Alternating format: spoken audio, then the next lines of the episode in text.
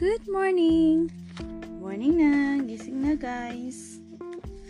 So, atong sundan ang pagbasa sa tamang start, mag-pray. In the Father, Son, Holy Spirit. Amen. Diyos Amahan, daghang salamat sa imong gihatag nga paglaom. Labi na, nining kabuntagon karon Another day to be perfect in your eyes.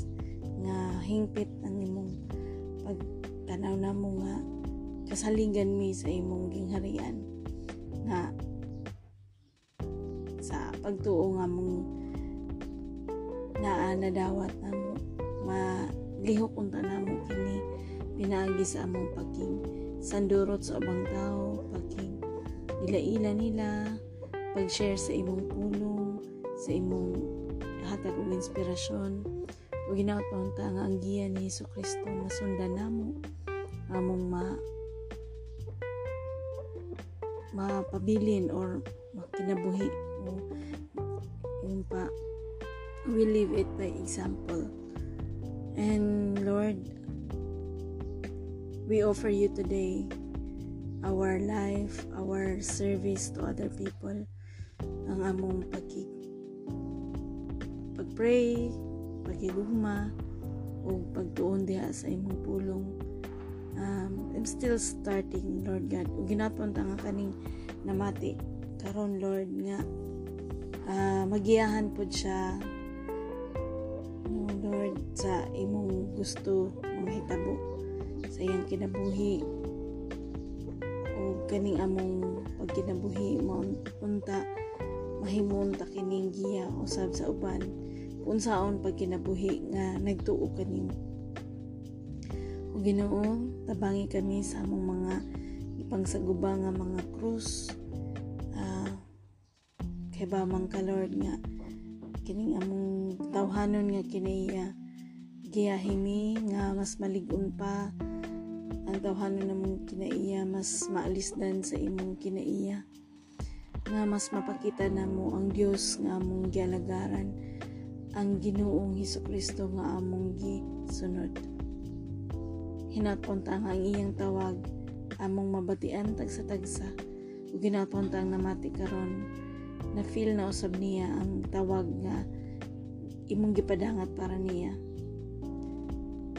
Ug kining tanan among gipangayo pinagi sa ngalan ni Hesus Kristo among Ginoo manluluwas. Amen. Sansamhan sana sa Puto Santo ang mayong balita mahitungod kang Hesus Kristo anak sa Dios kapitulo 14 Ang laraw sa pagpatay kang Hesus. Duha ka adlaw na lamang sa dili pahinuon himuon ang kasaulugan sa pagsaylo ug ang kasaulugan sa pan nga walay patubo. Ang kadagkuan sa mga pari ug mga magtutudlo sa balaod ng ngita og paagi sa pagdakop ng Hesus sa tago aron ilang patyon. Sila mingon, dili ta kini buhaton sa panahon sa kasaulugan kay tinangali unyag maggubot ang katawan. Si Hesus gidihugan og pahumot dito sa Bitanya. Dito si Hesus, versikulo 3 hangtod sa 9. Dito si Hesus sa Bitanya sa balay ni Simon nga sa lahon Samtang nagkaon siya, miabot ang usa ka nga may dalang tubod tibod sa alabastro. Puno kini sa mahalon kayong pahumot nga hinimo gikan sa lunsay nardo. Gibuak niya ang tibod o gibubo ang pahumot sa ulo ni Hesus. Apan nangasuko ang pipila sa mga tao nga didto ni atong higayuna ug naging nanay. Pagkausik kayod sa pahumot. Ikabaligya man unta ka nagkapin sa tulo ka gatos ka dinaryo ug ang halin. Ika hatag sa mga kabos ug ilang gisaway pag-ayo ang babae. Apan miingon si Jesus kaniya pasag din ninyo siya? Nganong samukon man ninyo siya? Usa ka maayong butang ang iyang gibuhat alang kanako. Kanunay ninyong ikauban ang mga kabos ug bisan unsang panahona makatabang kamo kanila kung buot ninyo apan ako dili ninyo kanunay nga ikauban. Gihimo niya ang kautob sa iyang maabot gipahumutan niya ang akong lawas sa ug pangandam alang sa umaabot nga paglubong. Ug ikini bisag asang dapita sa kalibutan iwali kining maayong balita. Ang nahimo niining maong babae hisgutan gayud aron paghandom kaniya. Gibudhian ni Judas si Jesus, versikulo 10 hangtod sa 11. Unya si Judas Iscariote, nga usa sa napulong duha, katinunan miadto sa kadagkuan sa mga pari aron pagtugyan kang Hesus ngadto kanila. Sa pagkadungog nila niini, nalipay sila umisaad paghatag kaniya sa lapi. Busa si Judas nangitag maayong higayon sa pagbudhi kang Hesus. Nakigsalo si Jesus sa iyang mga tinunan sa kasaulugan sa pagsaylo. Versikulo 12 hangtod sa 21. Sa unang adlaw sa kasaulugan sa pan, nga walay patubo ang adlaw nga maoiting ihaw sa mga karnero, nga ihalad sa panahon sa kasaulugan sa pagsaylo, ang mga tinunan ng utana kang Hesus, asa man kami ni mo paadtua, aron andamon namo ang panihapon. Gisugo ni Hesus ang duha kanila og ingnan Pangadto kamo sa syudad ug matagbuan ninyo ang usa ka tawo nga naglukdo og usa ka banga nga tubig. Kuyog kamo kaniya ngadto sa balay nga iyang atuan ug ingna ang tagiya sa balay nga ang magtutudlo nagingon, hain ang kwarto alang kanako diin ako makigsalo sa akong mga tinunan sa panihapon sa kasaulugan sa pagsaylo. Niya tuturan kamo niya sa usa ka dakong kwarto sa itaas nga sangkap, sa kala, galamiton ug ginamdam na didto andama ang tanan alang kanato ug miadto mga tinunan sa syudad ug ilang nakita ng tanan sumala sa gingon ni Hesus dito giandam nila ang panihapon. Sa pagkakilom-kilom nami abot si Hesus uban sa napulong duha ka tinunan. Samtang nangaon sila miingon si Hesus sultihan ko kamo usa kaninyo nga nakigsalo kanako magbudhi kanako tungod niini nga subo ang mga tinunan. Nangutana kaniya ang tagsatag sa kanila. Ako ba ang gipasabot mo? Bitubag si Jesus ang nagtunlob sa pan apan uban kanako nining panaksan. Ang tao sa tao mamatay gayon, sumala sa giingon sa kasulatan. Apan alaot ang tao nga magbudhi kaniya. Maayo pa nga wala siya matawo. Ang panihapon sa Ginoo, bersikulo 22 ngadto sa 26. Samtang nangaon sila may kuha sa Jesus upan nagpasalamat ug gipikas-pikas niya kini ug gihatag ngadto sa iyang mga tinunan. Mingon siya kan Ingon siya, kanaan ninyo kini, kini mao ang akong lawas. Unyang gikuha niya ang kupa ug gipa salamatan ng Dios. Gitunol niya kini kanila og silang tanan nang inom niini. Mingon si Jesus, kini mao ang akong ku akong dugo nga giula alang sa daghan ug naglig-on sa kasabutan sa Dios ug sultihan ko kamo nga dili nagayud ako moinom tugusab ni ining bino hangtod sa adlaw nga moinom ako sa bagong bino dito sa gingharian sa Dios Unya nag-awit sila og usa ka awit sa pagdayeg sa Dios ug nangadto sa bungtod sa mga olibo. Gitagna ni Jesus ang paglimod ni Pedro, versikulo 27 ngadto sa 31. Si Jesus mingon kanila, Mata, mutalikod unya kamong tanan ug mamiya kanako kay ang kasulatan nagingon. Patyon ko ang magbalantay o magkatibulaag ang mga karnero. Apan human ako mabanhaw, muna ako kaninyo ngadto sa Galilea. Si Pedro mitubag, dili gayud ako mobiya kanimo bisan pagbiyaan ka sa tanan. Mingon si Jesus nga Pedro, timan ikini sa dili pagani mo tuktugaok ang manok sa makaduha karong gabi una imo na akong ilimod sa makatulog. Apan may pasali gayud si Pedro bisan pagpatyon ako ban kanimo dili ko gayud ikaw ilimod ug nanumpa ang tanan sa samang mga puno. Nagampo si Jesus dito sa Gethsemane. Versikulo 32 hangtod sa 42. Miabot si Jesus sa tanaman sa Gethsemane uban sa iyang mga tinunan ug mingon siya kanila paglingkod ka mo dinhi samtang magampo ako. Nga iyang gipauban kaniya sila si Pedro si Santiago ug si Juan. Gibati niya ang hingi labihang kaguol ug kabalaka ug miingon siya kanila dako kaayo ang akong kasubo nga halos ikamatay ko. Pabilin ka mo dinhi og pagtukaw. Ipadayon siya sa unahan ug mihinapa sa yuta ug nagampo nga kun mahimo ilikay siya sa takna sa pagantos. Mingon siya, amahan ko. Mahimo mo ang tanan, kuha akining kupa gikan kanako. apan dili ang akong pagbuot mao matuman kun dili ang imo Unya mabalik siya nga sa iyang mga tinun-an ug iyang naabtan nga nangatulog silang tulo. Si Jesus mingon kang Pedro, Simon, natulog ka di ay? Dili ka ba gayud makahimo pagtukaw bisag usa lamang ka oras? O siya mingon kanila, pagtukaw pagampo aron dili ka mo modao, madaog sa panulay. Andam ang espiritu apan luya ang lawas. Unya mibiya na usab siya ug nagiampo sa ma ug gihapong pagampo. Mani ni may balik na usab siya ngadto sa iyang mga tinunan ug naabdan na usab niya sila nga nangatulog. Tungod kay katulgon man sila kaayo wala sila masayod kun unsay ilang itubag kaniya. Sa katulo niyang pagbalik mingon siya kanila. Nangatulog ba gihapon kamo ug namahulay? Gusto na. Miabot na ang oras nga itag itugyan ang anak sa tao ngadto sa kamot sa mga makasasala.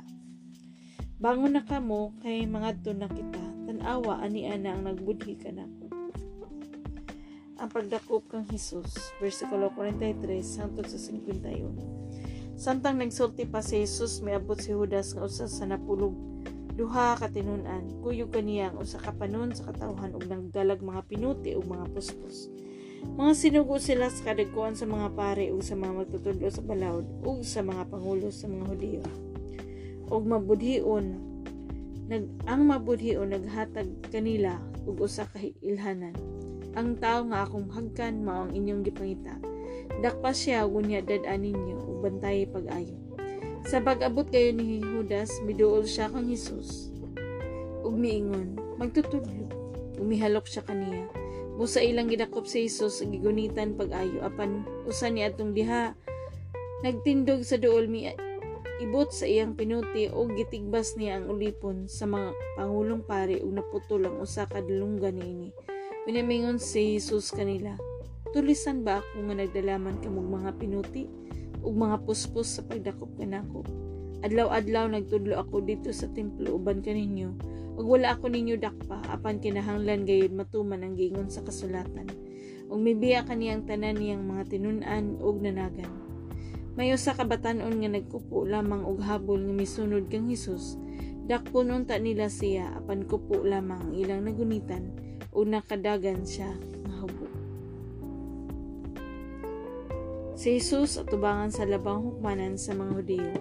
Versikulo 53 hangtod sa 65. Unya midala Unya gi dala nila si Jesus ngadto sa balay sa pangulong pari dito nagtigom ang mga pari, ang mga pangulo sa mga Hudiyo ug ang mga magtutudlo sa balaod. Misunod si Pedro nga nagpaantaw umiadto siya sa hawanan sa balay sa pangulong pari. Milingkod siya dito uban sa mga gwardya ug nagpaduol siya sa kalayo aron mainitan. Nagpaduol siya sa kalayo aron mainitan. Ang mga pari o ang mga tanang sakop sa labang hukman na nangita o kamaturan, bato kang Hesus aron ilang mapatay siya, apan wala sila ay nakitan. Daghang mga saksi ang misultig bakak, bato kaniya, apan wala makatagdo ang ilang mga pahayag. Unya may mga tao nga mitindog o misultig bakak batok ang Hesus, sila mingon. Nadunggan na mo siya nga nagingon, gubon kuno ko kining templuha nga binuhat sa tao ug sulod sa tulo ka adlaw patindugon ko ang lain nga templo nga dili binuhat sa tao alapan wala gihapon magkatakdo ang ilang gipanulti. Unya mitindog ang pangulong pari atubangan sa tanan ug nangutana kang Hesus. Wala ka ba ikatubag sa sumbong nga ilang gipasaka batok kanimo? Apa naghilom lamang si Jesus nangutana pag-usab ang pangulong pari kaniya? Ikaw ba ang Mesiyas nga anak sa dalaygon nga Dios Si Jesus mitubag ako. Ug makita unya ninyo ang anak sa tao nga maglingkod sa tuo. Sa makagahom nga Dios ug maabot uban sa mga panganod sa langit. Ug gigisi sa pangulong pare ang iyang kawalihong biste ug mingon. Wala na kita magkinahanglan og dugang pang mga saksi bato kaniya nag nadungog ninyo ang iyang pagpasipala sa Dios unsa may inyong hukom? Ug mihukom silang tanan nga sad-an siya ang aging patyo uning iludan sa pipila kanila si Jesus ug gitaptapan nila ang iyang mata ug gisumbag siya miingon sila. Tag-ana kung kinsay nagsumbag kanimo ug gikuha siya sa mga gwardya ug gitabangag tamparos. Si Jesus gilimod ni Pedro. Versikulo 66 ngadto sa 72 Dito pa si Pedro sa hawanan sa dihang milabay ang usa sa mga salugong babae sa Pangulong Pare. Sa pagkakita niya kang Pedro nga dito duol sa kalayo, sa kalayo, kalayo, nitutok ang babae kaniya og miingon. Kauban ka usab ni Jesus nga nasarit no. Apan nilimod si Pedro nga nagingon, wala ako makaila kaniya ug wala ako makasabot sa imong gipanulti. Migawa siya ug unya may manok ka nga mitugtugaw dito nakikitaan siya pag-usab. Sa babae mingon ang babae ngadto sa mga tao nga nagbarog dito. Kauban kani kana siya nila. Apan milimod na usab si Pedro. Pagkataod-taod mingon na usab ang mga tao kang Pedro. Dili ka gayud makalimod nga uban ka nila. Kay tagagaliya ka man usab. Diining higayon na naman pa si Pedro.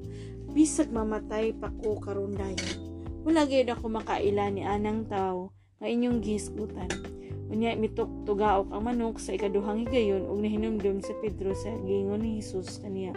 Sa dili pa mo ang manok sa makaduha, imo na akong gilimod sa makatuha. Umihilak siya. Ang pulong sa Ginoo.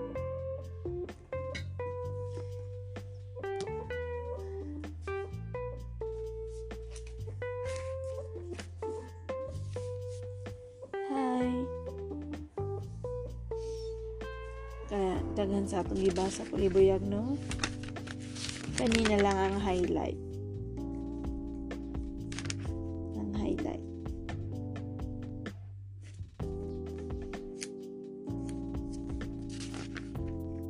Kadaghan ta masayop pero kapila man ta makakaton kapila man ta mulimod sa atong usa nga paglimod sa pagtuo mo nang pagbuhat og mga butang nga wala or dili sugo sa Ginoo. Usa nga paglimod sa pagtuo mao nang magbuhat lang ta sa atong gusto. Usa nga lim- paglimod sa pagtuo mo nang ang atong sala gibalik-balikan. Bali gipuy-an og atong gi-claim nga dili ni siya sala lain-lain ta og mga krus. Lain-lain ta og mga salub sa gubangon o mga kalisdanan dinhi samtang nabuhi ta. Pero kung atong hunonaon ang grasya sa Ginoo nga gihatag kanato dili basta-basta ang iyang pagka ang si Hesus Kristo ang iyang pagkaanak nga nagpakatao dinhi sa kalibutan. Si Hesus Kristo may atong giya si Kristo mang magbalantay kita ang iyang mga karnero. So kung karnero ta ni Hesus Kristo nakabati na bata sa iyang pulong trono ko kung mga karnero kita ni Hesus Kristo nakabati bata sa iyang pulong Dini na lang kita kutob o magampo ta. Ang gamito na nga pagampo gikan sa Mateo 6 versikulo 9 hangtod sa 13. San samahan sa anak sa Diyos Pagyo Santo Amahan namo nga naa sa langit, balaano ng imong halan Maghari ka kanamo ug tumano ng imong pagbuot dinhi sa yuta sa mga gituman kini dito sa langit. Ihatag kanamo ang pagkaon nga among gikinahanglan karong adlaw.